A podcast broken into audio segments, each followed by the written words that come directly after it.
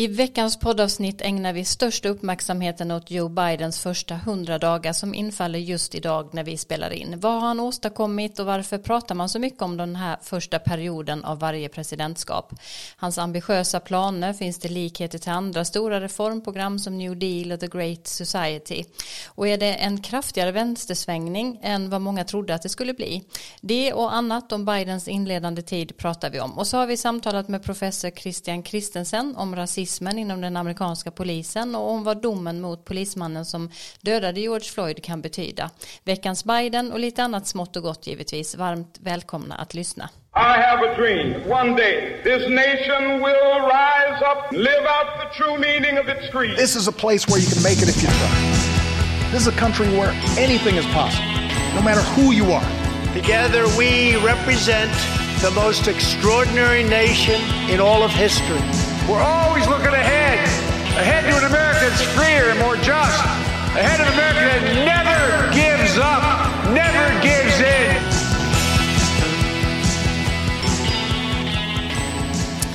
Ja, varmt välkomna till Amerikaanalyspodden. Vi som gör den här podden för er som kanske är nytillkomna lyssnare det är Karin Henriksson, författare och journalist bosatt i Washington.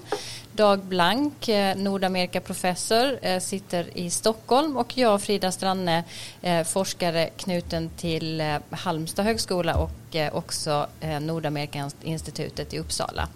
Hej Karin och Dag. Hej hej. Hallå, hallå.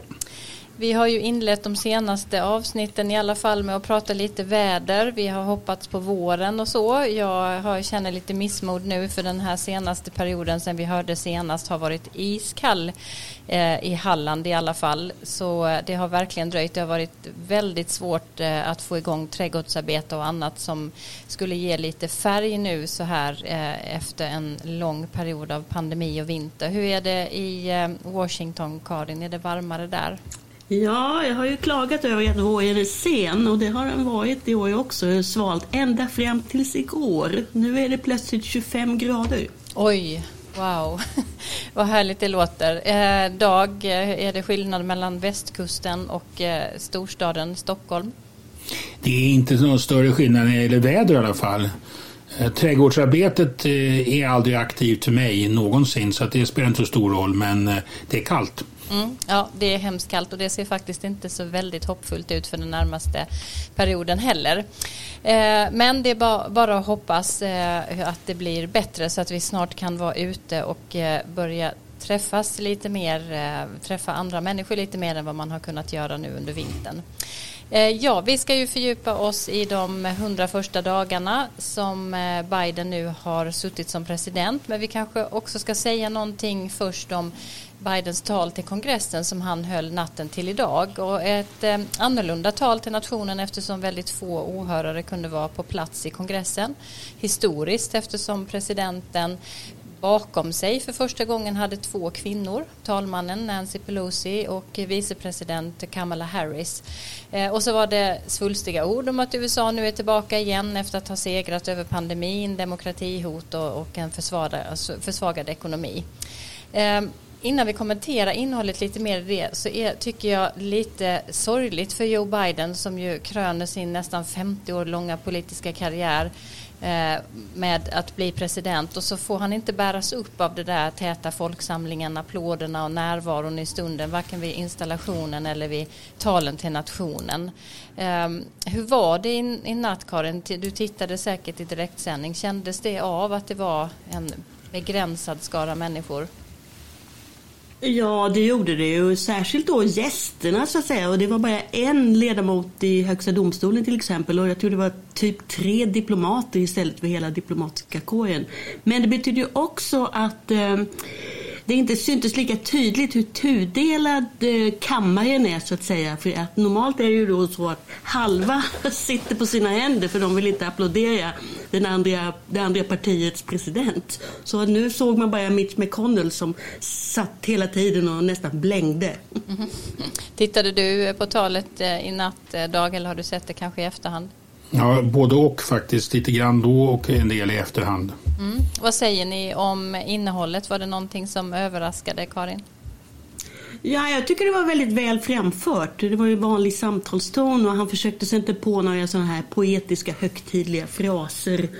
Och sen var det då lite, som man säger, laundry list, alltså en lång lista på saker som han vill göra. Men i hans fall är det ju faktiskt så att, att de här förslagen redan ligger på bordet. Så att det, det var det han presenterade. Och kodordet då framför alla andra var ju jobb att både infrastrukturen och klimatåtgärderna och hans mer liksom social, eh, sociala initiativ ska ju då ge jobb, bra jobb hemma här i USA. Mm. Vi kommer ju tillbaka till det kring hans första hundra dagar. Vad, vad, något som överraskade dig idag? Nej, det var inte så mycket som överraskade som Karin säger. Mycket av det här har redan varit känt så att säga. Men man kan observera det här att under valkampanjen så talade Biden ibland om sig själv som en transition president, en övergångspresident mellan generationer och mellan kön och vad man nu kan tänka sig. Eh, man skulle liksom, han skulle vara en brygga. Men eh, nu kan man också säga att han inte bara är en transition president, han är en transformation president. Han vill verkligen reformera samhället i grunden och det märktes ju verkligen på vad han sa. Mm. Här talet, eh, State of the Union, som levererades till konstitutionen står ju angivet att presidenten ska eh, ge och lägga fram för konstitutionen för att beskriva nationens tillstånd eh, för de folkvalda. Och tidigare i historien så gjorde det skriftligt men det har blivit en allt större publik begivenhet i takt med att också medier ju har kunnat nå ut till människor så att under lång tid nu så har ju presidenten också hållit det här talet i kongressen. Ni som vill veta mer om det kan lyssna på ett poddavsnitt som vi spelade in för ett drygt år sedan eh, när Trump höll sitt sista State of the Union där vi fördjupade oss just i de här talen. Så lyssna gärna på det. Eh, det händer ju fler saker också som det är värt att prata om lite innan vi går in närmare på Bidens 101 dagar. Bland annat är det ju den här folkräkningen, Karin, Census, som vi har haft uppe i podden flera gånger. Den är nästan slutförd nu väl, eller hur? Ja, det har kommit då siffror från Statistikbyrån, Census Bureau, och eh, från 2020, alltså förra året.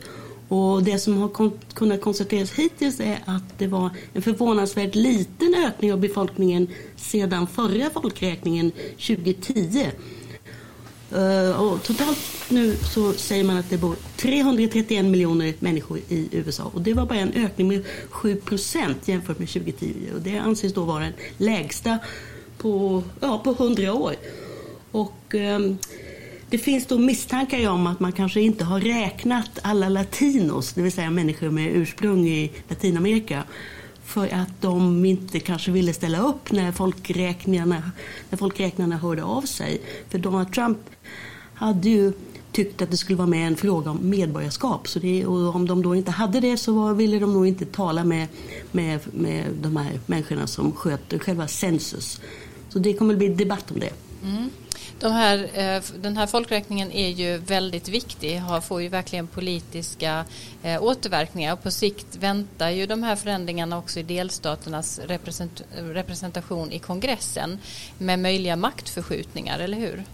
Ja, precis. Och det är det man tittar på då. För att man hade gissat att eh, Florida och till exempel skulle få mer än en ny plats. Men de fick bara en istället för två. Och, ehm, så det som har särskilt uppmärksammat är att Texas får två nya stolar. Och för första gången någonsin så förlorar Kalifornien en plats i representanthuset.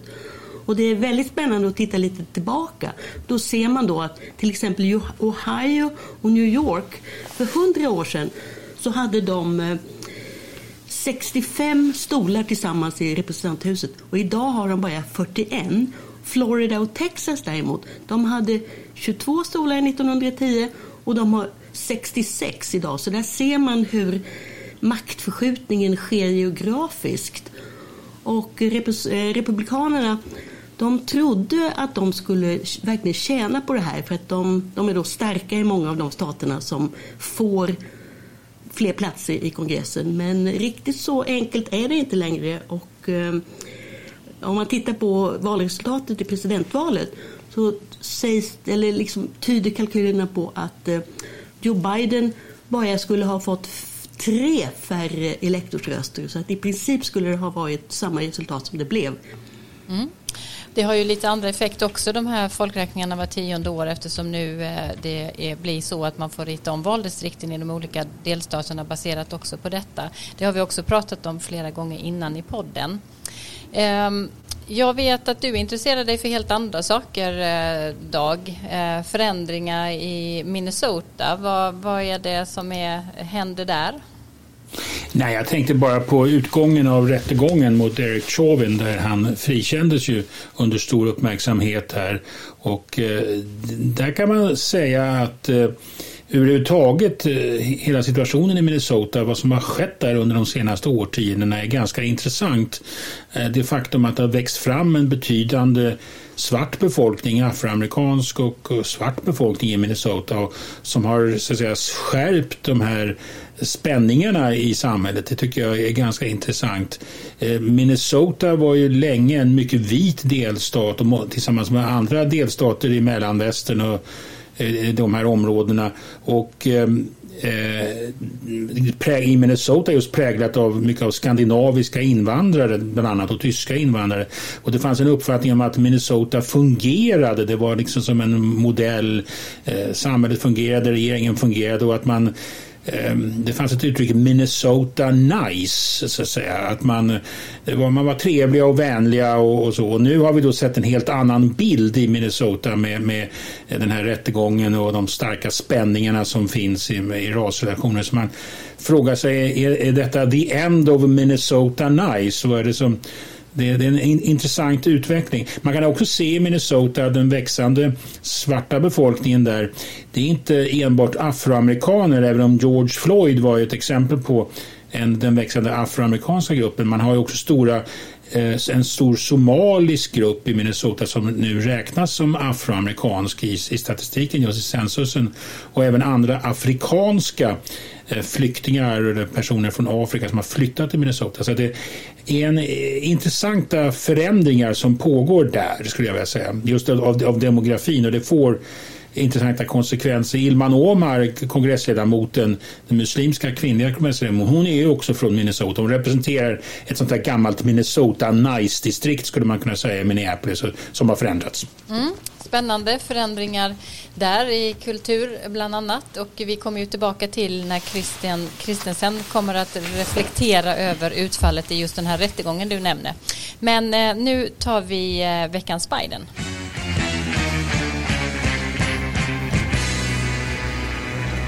Joe Biden har trätt fram flera gånger för att tala om framstegen i bekämpningen av pandemin. Till exempel häromdagen när det kom lättnader i rekommendationerna om munskydd och social distansering.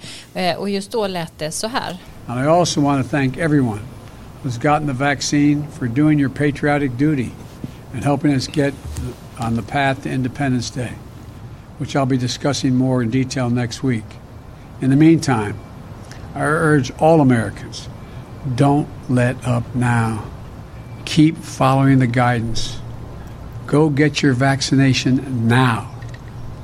It's free and it's convenient. 90% of the American people live within five miles of a site where you can get a vaccination. You can do this, and we will do this. Thank you all, and God bless you. And as much as the temptation is to stay outdoors in this beautiful day, I've got more work to do. Thank you all very, very much. Ja, det är ju du Karin som eh, plockar upp något citat från presidenten varje avsnitt för oss. Varför kände han sig manad att eh, eh, be folk att vaccinera sig, understryka detta? Intrycket härifrån i alla fall är att vaccinationerna har gått väldigt bra. Ja, det har de, men skepsisen består i en del grupper och det finns statistik som tyder på att motståndet är mycket större i regioner där man röstade på Donald Trump och även bland män i stort. Och Biden och Folkhälsomyndigheterna de är väldigt måna om att fortsätta vaccinationerna, dessutom långt ner i åldrarna. Och det finns vaccin för att eh, målet är då att folk ska kunna leva ett mer normalt liv på nationaldagen den 4 juli. Men det var också intressant vad han sa på slutet där, Joe Biden. Han sa att nej, nu har jag inte tid att stå här mer utan jag ska tillbaka och jobba nu. Det är också någonting man ser med honom att, att han liksom, ja, han verkar sitta vid skrivbordet och jobba och det var ju inte riktigt det man tänkte om Donald Trump. Nej, en stor skillnad. Flera stora skillnader finns det ju där. Men visst är det så att Trump ändå har varit ute i någon form av uttalande nu och uppmanat folk att vaccinera sig också? Eller har jag drömt det? Ja, ja han har ju gjort det. Men jag tror att eh, man är besviken på många håll för att han inte har gjort det tydligare. Han, eh, han, om han gick ut med någon typ av annons eller reklam och sa till sina anhängare att snälla gör nu det här. Det är tack vare mig som ni har ett vaccin. Det var jag som skyndade på. Men det har han inte gjort och han vill tydligen inte göra det heller. Och från då kritisk, kritikernas håll så säger man ju, jaha, titta där. Själv fick han minsann en spruta, både han och hans fru, i största hemlighet i Vita huset. Så om de kan ta det så kan väl andra också göra det. Så det, det, det, är, fort, det är som så mycket med Donald Trump, det är känsligt. Det är känsligt, ja. Vi får hoppas att eh, den här vädjan från den nuvarande presidenten eh, hjälper så att fler känner sig lugna eh, och eh, manade att gå och vaccinera sig. Nu eh, är det dags för veckans fördjupningstema.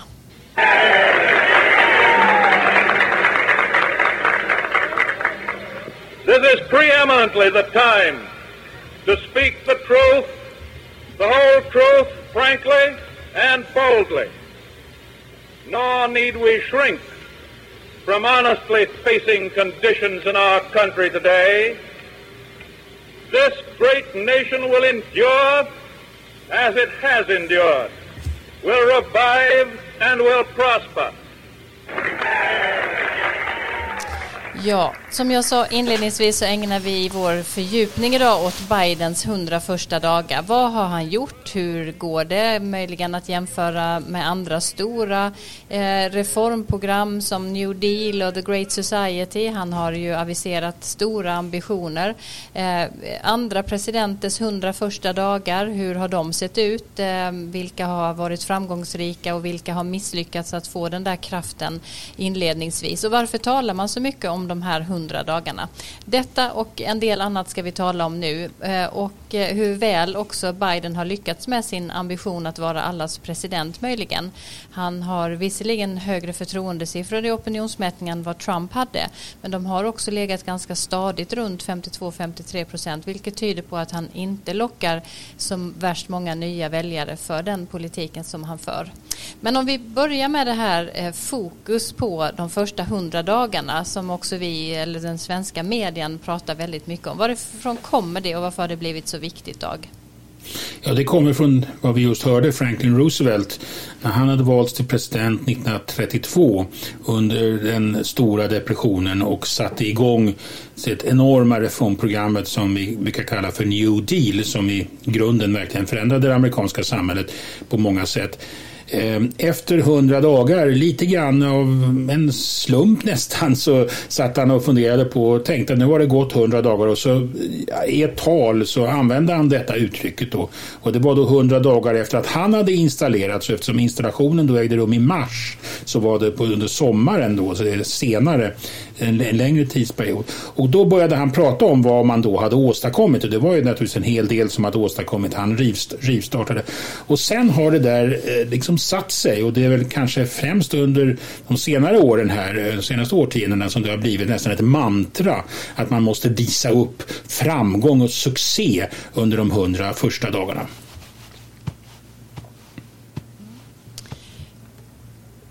Eh, kanske ska vi inte tala om det, det är negativt. Ja, alltså hur mycket de här hundra dagarna betyder kan man ju verkligen fråga sig. Det är ju, jag tycker man kan säga att det är mera symbol än verklighet. Och det är väldigt svårt att säga någonting om hur en presidentperiod kommer att bli om man eh, tittar på de här första hundra dagarna. Tänk på Obama, hans stora inrikespolitiska triumf Obamacare kom ju i slutet av hans, hans första period. Så det är en väldigt kort period. Det finns förslag från olika statsvetare som menar att man ska ha en ettårsperiod istället. Man ska utvärdera hur det har gått efter ett år. Och gör man det då blir Barack Obama, George W Bush och Bill Clinton framgångsrika medan det går sämre för Bush den äldre, Jimmy Carter och Richard Nixon. Så det är väl inte en jättebra mätperiod egentligen. Nej.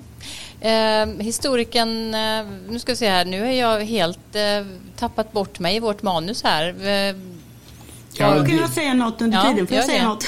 Gör det. Nej, jag letade fram ur min, min lilla arkiv här. Manus till eh, en artikel i Svenska Dagbladet när eh, Barack Obama hade eh, valts om då till sin andra period. Och då, då gjorde man en sån där 100 dagarna för den andra perioden och det gick inget vidare tydligen. Så att, eh, att Obama han, på en presskonferens så, så svarade han så här på frågan om han hade tillräcklig energi för att driva igenom resten av sina vallöften. Och då sa han, om man uttrycker saken på det viset så borde jag kanske packa ihop och åka hem. Mm. Och det finns ju, det finns ju de som menar, eh, eh, historikern, eh, svensk-amerikansk historiker, faktiskt, Fredrik Logevall, han har sagt att det är en fälla. De hundra dagarna är en fälla. Det tvingar, säger han, en del presidenter in i en virvervind av aktiviteter för att just visa hur framgångsrika man har varit. Istället för att mer metodiskt och systematiskt lägga fram, lägga fram en kurs. Vad kan man säga övergripande om Joe Bidens första hundra dagar? Vad, vad har det varit styrkor och, och svagheter i, i just hans start? Ja, jag tycker styrkan är ju att han har agerat väldigt metodiskt och han har dessutom varit överraskande djärv. Och som jag sa för en liten stund sedan så verkar han faktiskt ägna dagarna åt att arbeta. Det är färre ceremonier av den här typen som brukar vara sända i tv och så. Så det har inte varit några läckor att tala om. Och han har fått igenom sina ministrar och andra tjänstemän, bara med något enstaka undantag. Och så tror jag också att man märker att den här långa erfarenheten han har, med då insikter i dels då hur lite tid en politiker har på sig, som vi just har talat om, och att det har gjort att han är mer fokuserad, kanske till och med otålig. Så han, det har man märkt på ett par punkter som till exempel då, låt oss nu sätta punkt för kriget i Afghanistan och låt oss erkänna Turkiets folkmord på armenierna. Inte bara prata utan faktiskt göra det. Men när det gäller svagheterna så är han ju ofta en ganska tråkig talare. Och sen har jag faktiskt begått i alla fall ett par sådana här verbala klaver, klavertramp som man trodde att han skulle leverera så gott som varenda dag. Men eh, sen så gjorde han en liten egendomlig sak inför rättegången då i Minneapolis, eller under rättegången, där han faktiskt fastslog att polisen då, Derek Chauvin, var skyldig. Och det var var inte så lämpligt kanske. Han satt ju ändå inte i juryn. Fick han någon direkt kritik för det? Blev det mycket prat om det i amerikansk Nej, media? inte så mycket, men en del. Alltså det är sånt där som kan sitta kvar. Mm. Ser vi en, en skillnad i hur han bevakas? Jag tänker också på att han ju på ett väldigt olyckligt sätt eh, trillade när han skulle upp eh, på Air Force One, inte bara en gång utan flera gånger. Ehm, har, men det blev inte heller något riktigt mediedrev kring, kring det vad man kunde se härifrån. Har, han, har man varit eh, snäll i, i bevakningen av han, honom den här perioden? Ja, det tycker ju i alla fall alla konservativa bedömare. De menar ju att, att medierna liksom går i ledband med Biden och det tycker jag kanske är lite orättvist. Men han har ju kanske inte begått så många, så många snedsteg utöver då den här olyckliga, eh, ja, snudd på fallet då på trappan till Air Force One. Men då hade han lite brutit några ben i foten ett tag innan så det kanske var därför. Mm. Eh, och annars är väl det som du nämnde också just det här att han är så nitisk på att arbeta, få saker gjort, eh, verkligen viktigt för honom kan man tänka sig som en, en väldig kontrast, alltså att försöka förmedla den, en stor kontrast till Trump och just den här också viljan och ambitionen att vilja ta tag i de omfattande och djupa problem som faktiskt finns i USA. Så att det var väl ändå ganska väntat eller? Ja, jag vet inte vad du säger Dag, men ja, det var det kanske. Men man kanske också kan peka på det att han har ju var, suttit då i kongressen och så har han varit vicepresident och det har ju inte varit möjligheter, har ju inte gett honom några möjligheter att verkligen göra någonting. Nu är han ju faktiskt president och kan då kanske ja, beta av de saker han har drömt om i alla år.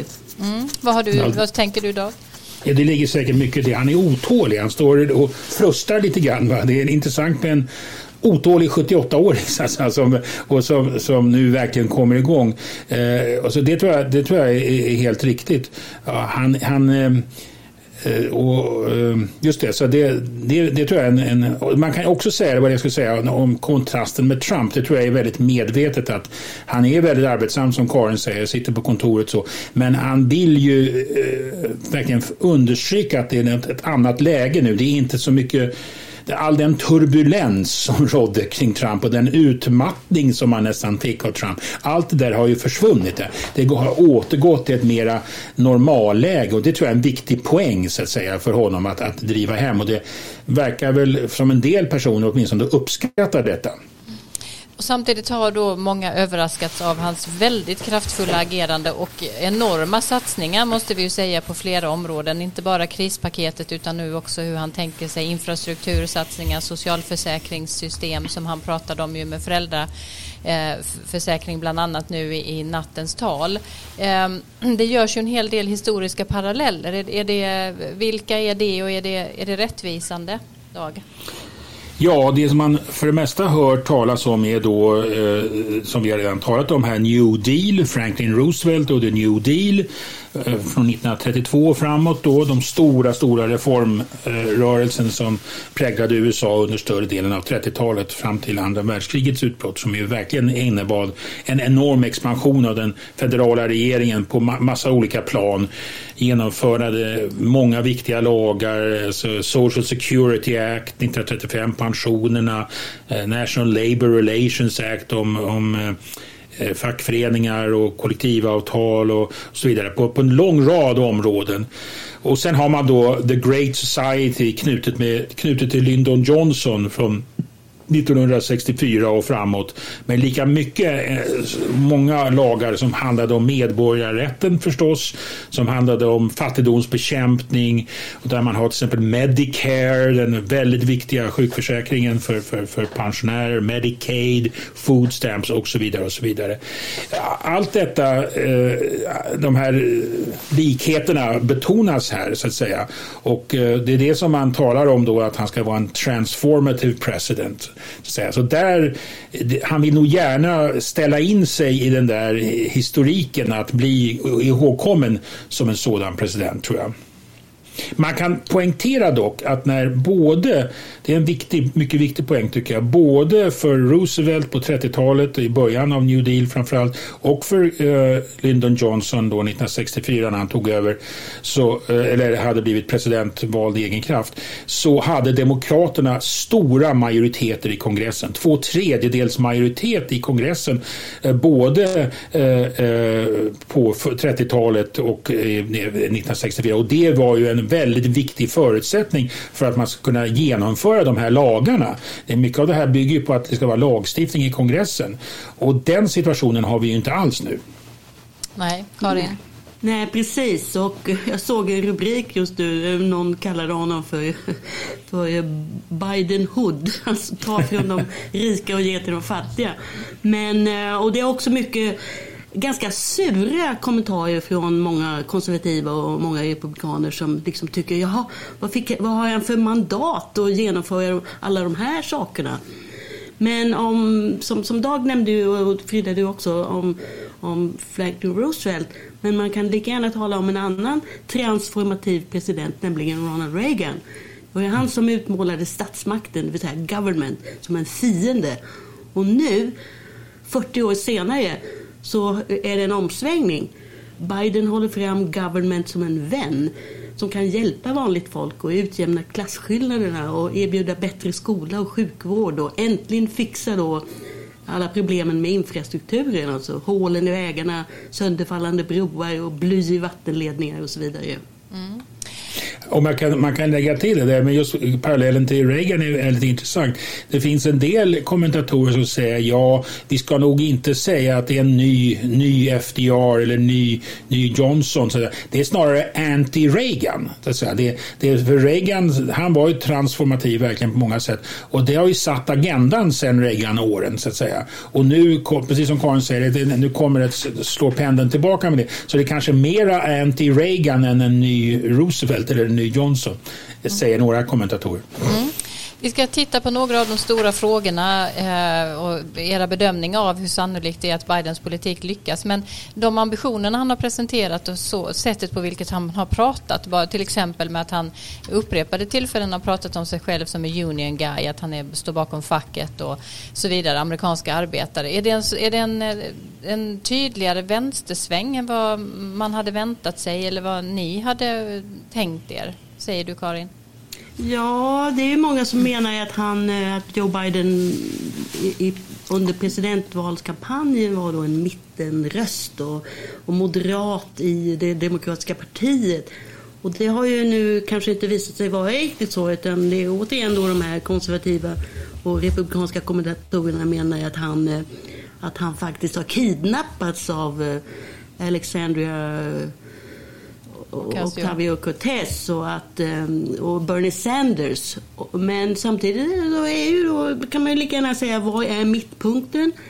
Och tittar man då tillbaka till Roosevelt eller Lyndon Johnson så kan man ju då säga att eh, Biden visar sig vara en demokrat av ett gammalt dagssnitt. En demokrat som vill förbättra villkoren för vanligt folk. Mm. Och det är ju då arbetare och eh, alla i tjänster på lägre nivå, lägre betalda jobb i tjänstesektorn och så vidare. Så är det vänster eller höger? Ja, det beror på var man står själv kanske. Mm, och vi vet ju också att många amerikanska arbetare ju eh, är en, en, en grupp som verkligen kräver eh, förändringar och um, som sökte sitt svar hos uh, Trump tidigare i många fall och som nu väl också Biden är mån om att försöka uh, mm. få med sig på sin sida. Tycker du att det är en större vänstersväng dag än vad, än vad du väntade dig?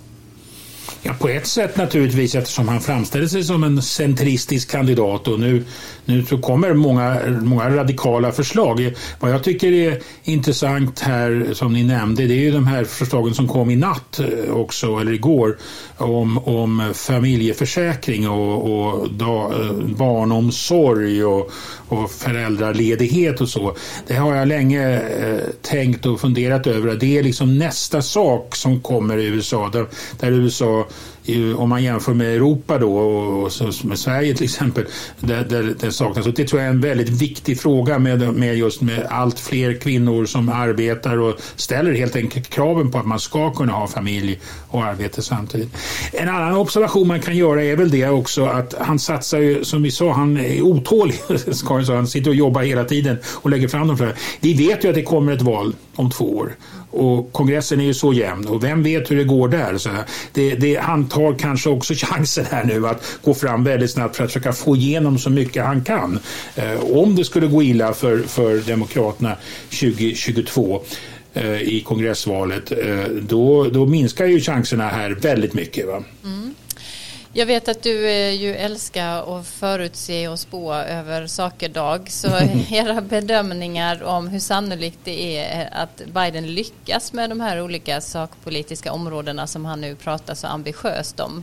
Vad har du för kommentar till det Dag? Ja, jag överlämnar det till er att göra de här fram, framtidsbedömningarna. Man kan ju säga vad som har gått bra hittills, vad han har lyckats med hittills tycker jag. Eh, det är pandemihanteringen. Det, det är ju en stor framgång. Och, och, där finns ju ett stort stöd för dem. Jag tycker också att klimat, hans enorma klimatutspel eh, har, ju, har ju varit väldigt intressanta och där har han eh, lyckats. Och, och, och de här välfärdsförslagen som har kommit, alltså den, eh, den här Rescue Act och, och, nu det som kom senare här. Och det verkar som det finns ett starkt stöd i befolkningen. Det finns ett starkt stöd i befolkningen för många av de här förslagen han lägger fram. Va? Det är stora investeringar och, och mycket pengar som spenderas. Och det är klart, det är sånt det är ofta populärt. Det som har, är problemet för honom det är eh, gränsfrågan, alltså eh, flyktingströmmarna över, över Rio Grande från, från eh, Latinamerika, mexikanska gränsen. Och det, ligger, det problemet har ju funnits länge. Det var ett problem som Trump hade och det var ett problem som Obama hade. Och det ligger där och kokar. vad han vill göra, egentligen eh, vill han måste ju hantera det på något sätt, men han, vad han också vill göra det är ju den här invandringsreformen, immigration reform som man också har talat om länge, som ju är något lite annorlunda än just de här akuta flyktingströmmarna. Att the dreamers, så att säga, försöka reglera den här befolkningen som redan finns i USA och försöka åstadkomma ett nytt, mera ordnat immigrationssystem. Men han har att hantera de här flyktingströmmarna och det kommer säkert att eh, bli ett, eh, det hans stora problem just nu ska jag säga och det kommer ligga där och ticka. Mm. Eh, det är säkert så och det är också väldigt viktigt för honom både när det gäller klimatet och infrastruktur och annat att han verkligen kan bevisa att det ger amerikanska jobb. Men du Karin som är lite modigare än Dag på det här med att eh, förutse eller förutspå eller åtminstone reflektera över chanserna han har här. Vad, vad tänker du om det? Det finns ju område efter område. Vill du gå igenom några för oss? Okej, okay. först kan man ju säga då prislappen. Eh, de här två paketen som vi nu har talat om, det handlar ju om 4 000 miljarder dollar. Och sen ska man lägga till då 1,9 miljarder, 1900 miljarder dollar alltså eh, som det första pandemipaketet eh, uppgick till. Och sen då är det liksom hela den federala regeringen i stort, alltså själva den amerikanska statens utgifter. Så totalt så blir det här 10 000 miljarder dollar. Det är ju otroliga siffror. Men om man ska ta då de här eh, punkterna så kan man säga att pandemin, ja, det som Dag säger, det, han har väldigt höga förtroendesiffror där. Två tredjedelar, alltså drygt 60 procent, 65 tror jag till och med, tycker att han har gjort ett bra jobb. Men smittspridningen är ju fortfarande stor på en del ställen och eh, vaccinationerna finns fortfarande frågetecken kring. Och sen är det ju då om det kommer dyka upp nya varianter av viruset. Ja, andra områden. Vi har klimatet. Precis, klimatet. Jag tror att det är en svag punkt. Jag tror att det är kanske för ambitiöst. Jag tror att det kommer bli motstånd både politiskt och även kanske från näringslivet. Att till exempel man skulle bygga då ett nätverk av laddstationer till elbilar till exempel. Det är ju en enorm satsning. Så där, där, får vi nog se hur det går. Mm. Sen infrastrukturen, jag, jag, tänker på infrastrukturen också som e- egentligen är en fråga som alla är överens om att man måste göra någonting åt. Därför det, det vet vi som ju har varit i USA och rest mycket där att det finns väldigt stora behov. Men även det kan bli svårt att lyckas med för honom eller? Ja, alltså där tror jag han kanske har varit lite klurig. Alltså han la ju ihop då infrastruktur, liksom fysisk infrastruktur med mer social infrastruktur.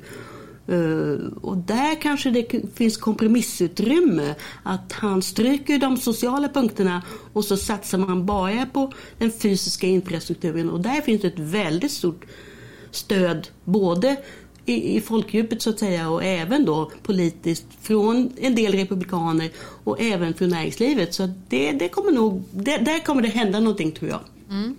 Skatter är en annan fråga. Han var ute igår också och sa att han inte skulle höja skatterna för vanliga arbetare. Hur, hur kommer de här eh, ändå skattereformerna som han planerar för att kunna gå?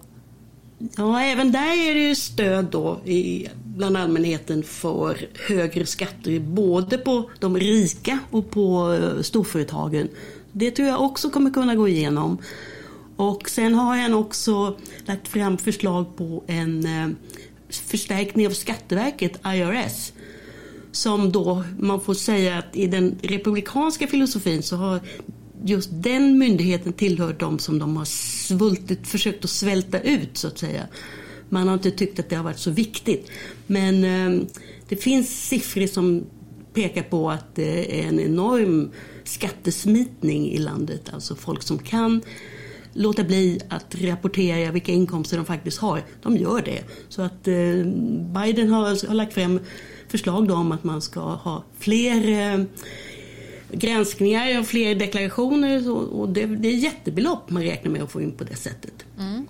Och så den stora frågan om välfärden som ju är en eh, väldigt omdiskuterad och också en känslig fråga i USA som ju har ett helt annat system och en helt annan idé bakom hur man tänker kring staten kontra individens ansvar för olika saker. Eh, men det är omfattande ehm, planer som han ändå har. Vad, vad är chansen att lyckas med det? Ja, jag tror också att det kan vara ganska kärvt. Alltså, det går ju otroligt långsamt på det sociala området. Och även om nog folk i allmänhet är för så kommer det handla om prislappen och dessutom då det ideologiska motståndet från ganska inflytelserika röster som menar att folk slutar jobba om de får så mycket bidrag. Så att det får vi se. Mm. Dag nämnde ju det här med invandringen som också egentligen är en fråga som eh, där man är överens om över partigränsen att någonting behöver göras, att man behöver få, eh, få en viss förändring i det hela. Men det kommer också bli svårt. Ja, det är precis som, som Dag säger. Det är visserligen ett gammalt problem, men det försvinner inte och det har, ser ut att vara värre nu.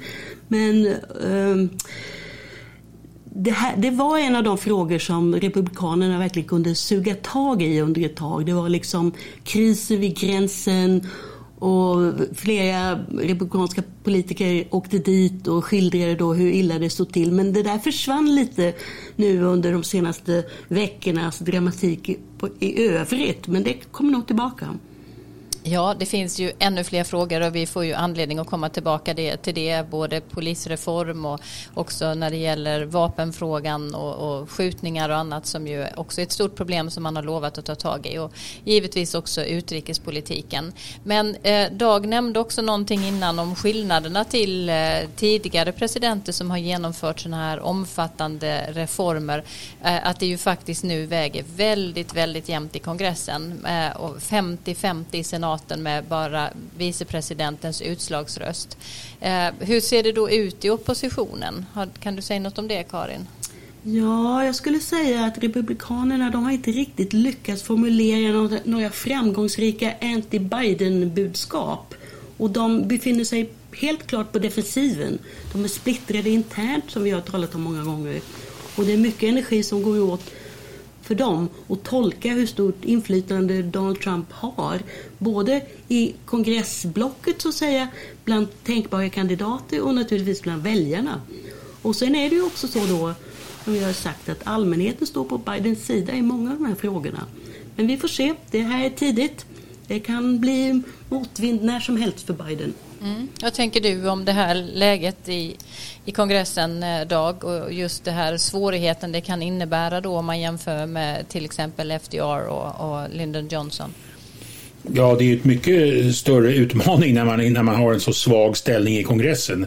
Så är det ju. Va? Och, och, och, och eh, majoriteten i representanthuset är ju liten så att säga. Och sen har man då det här jämna läget i senaten. Så att Bidens, eh, här testas verkligen Bidens eh, skicklighet när det gäller att manövrera med kongressen och förhandla med kongressen och ha att göra med kongressen.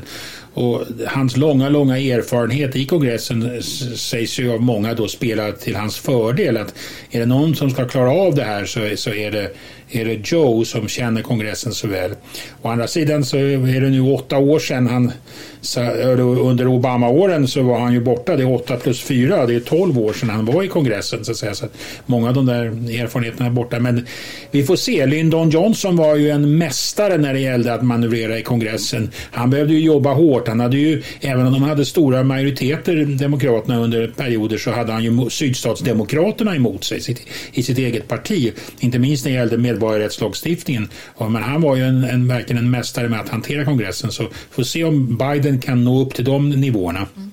Men för de som inte riktigt vet vad det är ni syftar på här, vad är det mer precis som han måste lyckas med? Vad är det han ska manövrera? Vad behöver han för att kunna få igenom sina program? Han, ja, han behöver be ha samtliga i senaten, samtliga partikamrater i senaten. Han får inte förlora sina demokratiska partivänner i någon enda fråga. Han behöver någon, någon republikan också med sig kanske. Ja, om han förlorar en demokrat i senaten måste han ju kompensera det med en, en republikan. Och det, det, finns ju då Joe Manchin från West Virginia som är en så kallad moderat demokrat och som är lite tveksam till de här stora satsningarna ibland. Han har ju blivit en nyckelperson här verkligen va? och han manövrerar kring honom så det är, det är en balansakt. Mm. Så hans diplomatiska förmåga kommer verkligen att sättas på prov nu och vi får se hur väl han lyckas med det.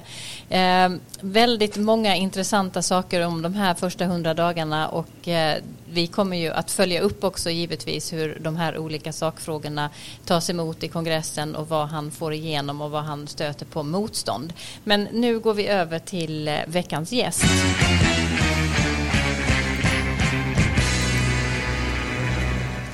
Som gäst denna vecka möter vi Christian Christensen, professor i journalistik vid Stockholms universitet. Förutom en gedigen akademisk karriär har Christiansen även återkommande bidragit med analyser om media, politik och kultur i såväl svensk som brittisk och amerikansk press. Hans analyser återfinns regelbundet i The Guardian, Washington Post, Le Monde och DN för att nämna några. Christian är även amerikansk medborgare och när jag talade med honom häromdagen så ville han gärna diskutera domen mot polisen polismannen som dödade George Floyd och vad det kan få för betydelse framåt. Jag började med att fråga honom varför han tror att just här, den här domen är så viktig. Eh, man måste titta tillbaka i amerikansk historia. Det är väldigt få amerikanska poliser som faktiskt blivit dömd för mord överhuvudtaget eh, de sista 30-40 åren och ännu färre vita amerikanska polis som har blivit dömd för mord på svarta medborgare. Eh, och eh, efter de sista fyra fem år i USA med Black Lives Matter om man tittar tillbaks till mordet i eh, Missouri som började i Ferguson som började hela rörelsen för fem sex år sedan. Förväntningarna sa väldigt mycket tyckte jag om, om situationen i USA. Att det var många amerikanska medborgare man märkte som det var, spänningen var högt och som trodde att det fanns möjligheten att polisen skulle inte bli dömd för mord. Att han skulle bli släppt fri. Och eh, med tanke på videon som man såg. Och jag tror det säger väldigt mycket om amerikanska rättssystemet. Problem med amerikanska rättssystemet att så många trodde att möjligheten att Chauvin skulle inte bli dömd var ganska hög. Så jag tror att det här var väldigt viktigt. Inte för att det är bevis på att amerikanska systemet i stort fungerar. Men i det här fallet efter allt som har hänt i USA de sista 3, 4, 5, 6 åren och efter 40-50 år av polisvåld mot svarta medborgare. Det var viktigt att visa att i ett fall i alla fall att det, att det kan fungera och att detta kan ses som en början på en, en längre process för att kanske omstrukturera den amerikanska polisen. Nu pratar jag inte om den här liksom att man ska avfinansiera dem. Jag menar liksom en, en väldigt djup kritisk granskning av amerikanska polissystemet och också rättssystemet som har haft väldigt stora problem med systematisk rasism de sista 50-60 år. Mm. Innan jag ber dig utveckla på vilket sätt du tror att domen förändrar mm. någonting så bara lite kort. Visst är det så att mm. eh, ganska många människor eh, dör på grund av ingripande från polis varje år i USA? Ja, jag, den siffran som jag har sett, sista siffran, var ungefär 1000 per år. Naturligtvis, det här är inte mord. De, de dör under, som du säger, ingripande. Eh, de, de dör i, i bilar, i sådana här car chases och sådana här saker. Men, men det, av den här 1000 per år är det otroligt få som faktiskt går fram till domstolen. Och eh, Washington Post gjorde en liten studie där som tittade mellan, jag tror det var 2005 till 2021. Som visade att det var bara hälften av de poliser som faktiskt kommer till någon slags eh, rättslig situation som blir dömd för någon slags brottslighet. Och det, av de kanske några hundra stycken, det var bara tror jag 11 stycken som blev dömd för mord på 16 år. Och av de 11 eh, då var fyra eh, gick till liksom omprövning och så faktiskt det bara sju. Och så man tänker med, med den mängden av dödlighet inom amerikanska polisen att det är väldigt få som faktiskt blir dömd och att det, det jag tror det är förvånansvärt för många som bor här i Sverige och Europa att tänka sig att polisen i USA dödar tusen människor per år. Mm. Otroligt hög siffra. Mm. Du sa innan att det här var viktigt eh, just för att mm. det finns en, eh, en utmärkande rasism i USA också inom polisväsendet. Tror du att domen mm. förändrar någonting på ett rejält sätt framåt här? Nej, jag, jag, tror inte den här domen ändrar på någonting i och för sig, så som den är. Men jag tror att den kan vara en början på en, en som jag sa, en ganska långsiktig förändringsprocess. Men man, man, kan vända om på det här och tänka om det här inte hade blivit så och det inte blev en liksom guilty verdict här och att polisen blev frisläppt Chauvin. Man, kan, man misstänker reaktionen skulle varit otroligt stark i USA. Så på det sättet man kan aldrig säga att det är en positiv sak att en polis blir dömd för att, mörd, att han har mördat en, en amerikansk medborgare. Men jag menar att, att möjligheten att Chauvin inte blir dömd den fanns ju naturligtvis, men om han inte hade varit det, då går man tillbaks du vet, 25-30 år till, till Los Angeles och Rodney King och alla de här liksom eh, responsen till en amerikansk rättssystem som, som jag sa tidigare, beviset är ju ganska väldigt starkt där när det gäller svarta misstänkta och vita misstänkta. Det finns en väldigt tydlig skillnad hur amerikanska rättssystemet hanterar den de här två grupperna i det amerikanska samhället. Så jag tror det var väldigt vettigt i den utsträckning att att det var viktigt att det blev en, en sån här dom mot honom, att han sitter i fängelse.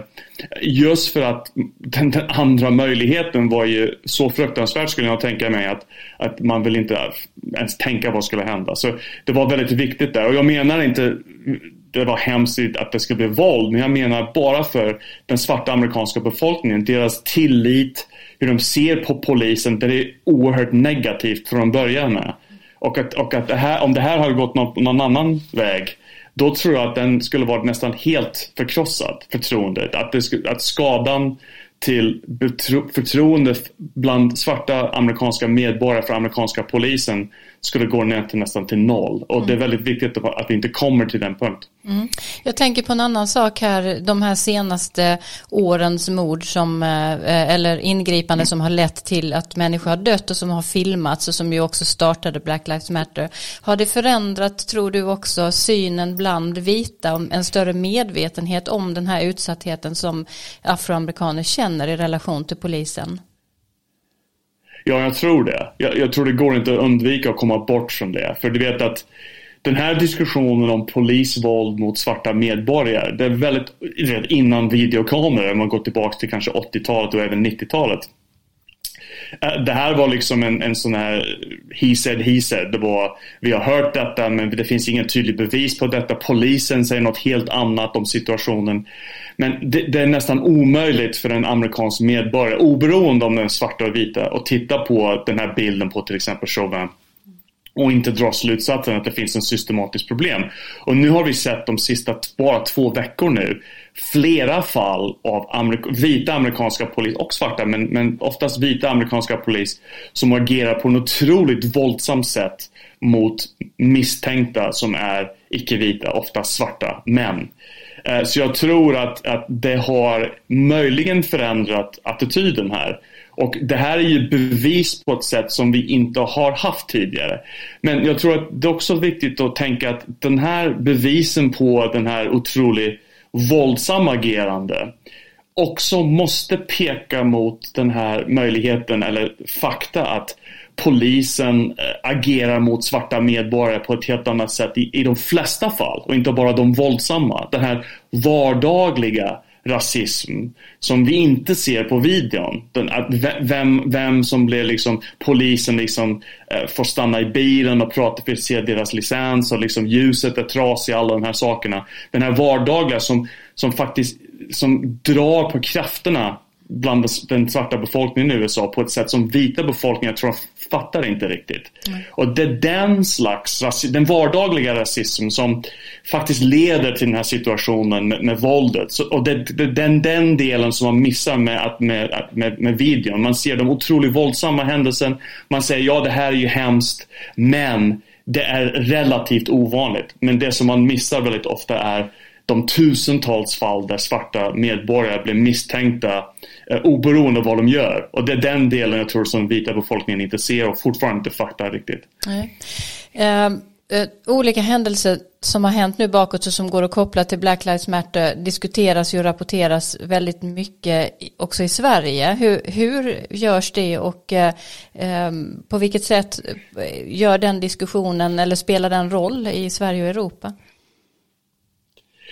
Jag tror den spelar roll och vi vet att den har bevakats ganska mycket här i Sverige. Den här domen mot Chauvin och Floyd har ju bevakats i nästan alla svenska medier. Så då på, på det sättet har svenska medier varit ganska bra på sin bevakning. Jag tror det större problemet är när man börjar att diskutera polisvåld eller Black Lives Matter i relation till Sverige. Eh, den kommentar som jag hör väldigt ofta är vi har inte det här problemet här med polisvåld. Det, finns inga dödsskjutningar. Den här extrema vålden som vi ser bland amerikanska polisen, den har vi inte. Och jag tror den där diskussionen missar den djupare problem som jag nämnde nu för några sekunder sedan. Och det här, den här vardagliga sättet som polisen agerar. Den problemen har vi i Europa. Storbritannien har haft den problem. Jag är uppväxt i Storbritannien också, bodde både i USA och Storbritannien. Vi har liknande problem här i Sverige, strukturella problem. Så att när man använder USA som ett exempel är det ofta som se hur illa det är där. Vi, vi, har inte den problemet i alla fall här i Sverige. Och det var lite grann det som när Black Lives Matter började diskuteras nu under sommaren eh, i Sverige. Det var, ska vi importera den här idén om rasism som är, som är oerhört amerikansk och börja diskutera den som att den var svensk. Och jag tror återigen, den missar den större poängen att, att det handlar inte om att vi har liknande våld bland svenska polis. Det handlar mer om, finns det liknande strukturella problem i polisarbetet och det juridiska systemet? Och den diskussionen är absolut värt att ha. Och det är kanske det som man missar mest, att man, man tar det extrema resultatet av det amerikanska polisvåldet och säger då, då går det inte att jämföra med Sverige för vi har inte den. Men den missar den grundläggande problem tycker jag. Och det, det, det, är den diskussionen man bör ha när man pratar om Black Lives Matter, och man pratar om Floyd och till exempel Sverige. Mm. Ja, det var eh, ett samtal med professor Christian Christensen och faktum är att eh, eh, vi var ju lite osäkra där på siffrorna över antalet döda eh, av polis och de är faktiskt anmärkningsvärt mycket hög, högre än vad vi eh, nämnde här. Eh, 1000 personer ungefär skjuts till döds av polisen eller dör av eh, alltså vapen, våld, vapeningripande. Men därutöver är det faktiskt ytterligare 1000 personer som dör eh, årligen till följd av annan typ av polisvåld. Till exempel det vi såg drabbade George Floyd. Eh, några korta kommentarer. Vi har eh, eh, hållit på länge i podden idag igen. Men vad säger ni Karin och Dag om det här. Du har ju följt eh, väldigt noga Dag eh, den här eh, processen i rätten och utfallet. Ja, ja, Christian har helt rätt i det, framförallt den här diskussionen om betydelsen i Sverige som jag tycker är intressant. Hur de här diskussionerna har kommit hit. Vi var ju, är ju enormt fascinerade av detta och följer det här i detalj. Och de här diskussionerna som har funnits i Sverige under sommaren och, och sedan George Floyd dog Eh, hur relevant det här är för Sverige. Och vi hade ju faktiskt ett seminarium i Uppsala under förhösten där vi precis ställde den här frågan. Och mycket av svensk diskussion om eh, diskriminering och rasrelationer som man säger i, i, i USA eh, har ju, finns ju i den svenska debatten också. Och det är en mycket intressant eh, sak att se på vilket sätt man överför och tar över begrepp och hur de här begreppen, vilken eh, relevans de har i ett svensk kontext. Så det tycker jag han har helt rätt i. Mm. Vi brukar avsluta den här podden när vi hinner med lite bortglömda nyheter. Sånt som inte har fått plats i flödet men som vi tycker är viktigt att uppmärksamma. Har ni någonting på den listan idag? Vad säger du Karin? jag säger bara Bidens nästa hundra dagar. ja, är de eh, lika spännande som de första hundra? Ja, det kommer de ju bli för det kommer ju nu handla om eh, korvstoppningen som man brukar prata om i politik. Alltså, nu är det ju, blir det ju, måste ju förhandlingarna börja med kongressen. Mm. För det är ju lagar det handlar om. Mm. Jag är avundsjuk på att du sitter i Washington och har möjligheter att följa det lite mer nära än vad man har härifrån nu. Vad säger du Dag? Är det någonting som du tycker har tappats bort? Ja, minimum wage den gamla stridsfrågan där Demokraterna länge har pressat för en höjning av minimum wage. Det vill ju Biden ha med i ett av de stora stödpaketen, en höjning av minimum wage-lagen där, men det gick inte. Det ströks. Nu har han istället gått ut med att den eh, minimum wage för federal contractors, alltså de som är anställda eller har eh, ekonomisk relation till federala regeringen, där ska det höjas till 15 dollar. Det är inte en jättestor del av den amerikanska arbetskraften men han hoppas på att det kommer att sprida sig till andra delar av arbetsmarknaden. Den federalt lagstiftade minimum wage, eh, minimilönen är 7 dollar och 25 cents per timme. Även om det varierar naturligtvis. I DC är det 15 dollar och i Seattle, staden Seattle är det 15 dollar. Så kampen är att få upp minimum wage till 15 dollar. Mm. Jätteintressant. Vi får följa det också framåt. Varmt tack Karin och Dag för att ni delar med er av era outsinliga kunskaper om USA och hur vi ska förstå vad som händer. Tack Christian Christensen för intressanta reflektioner om rasismen inom den amerikanska poliskåren. Och också tack Johan Lindström för ljudillustrationer och till er lyssnare som väljer att använda en timme av er tid åt vår podd. Var rädda om er och varandra, håll ut och håll avstånd. Jag Frida Stranne tackar också för mig och hoppas att vi hörs igen om två veckor. I have a dream. One day, this nation will rise up, live out the true meaning of its creed. This is a place where you can make it if you try. This is a country where anything is possible, no matter who you are. Together, we represent the most extraordinary nation in all of history. We're always looking ahead, ahead to an America that's freer and more just, ahead of America that never gives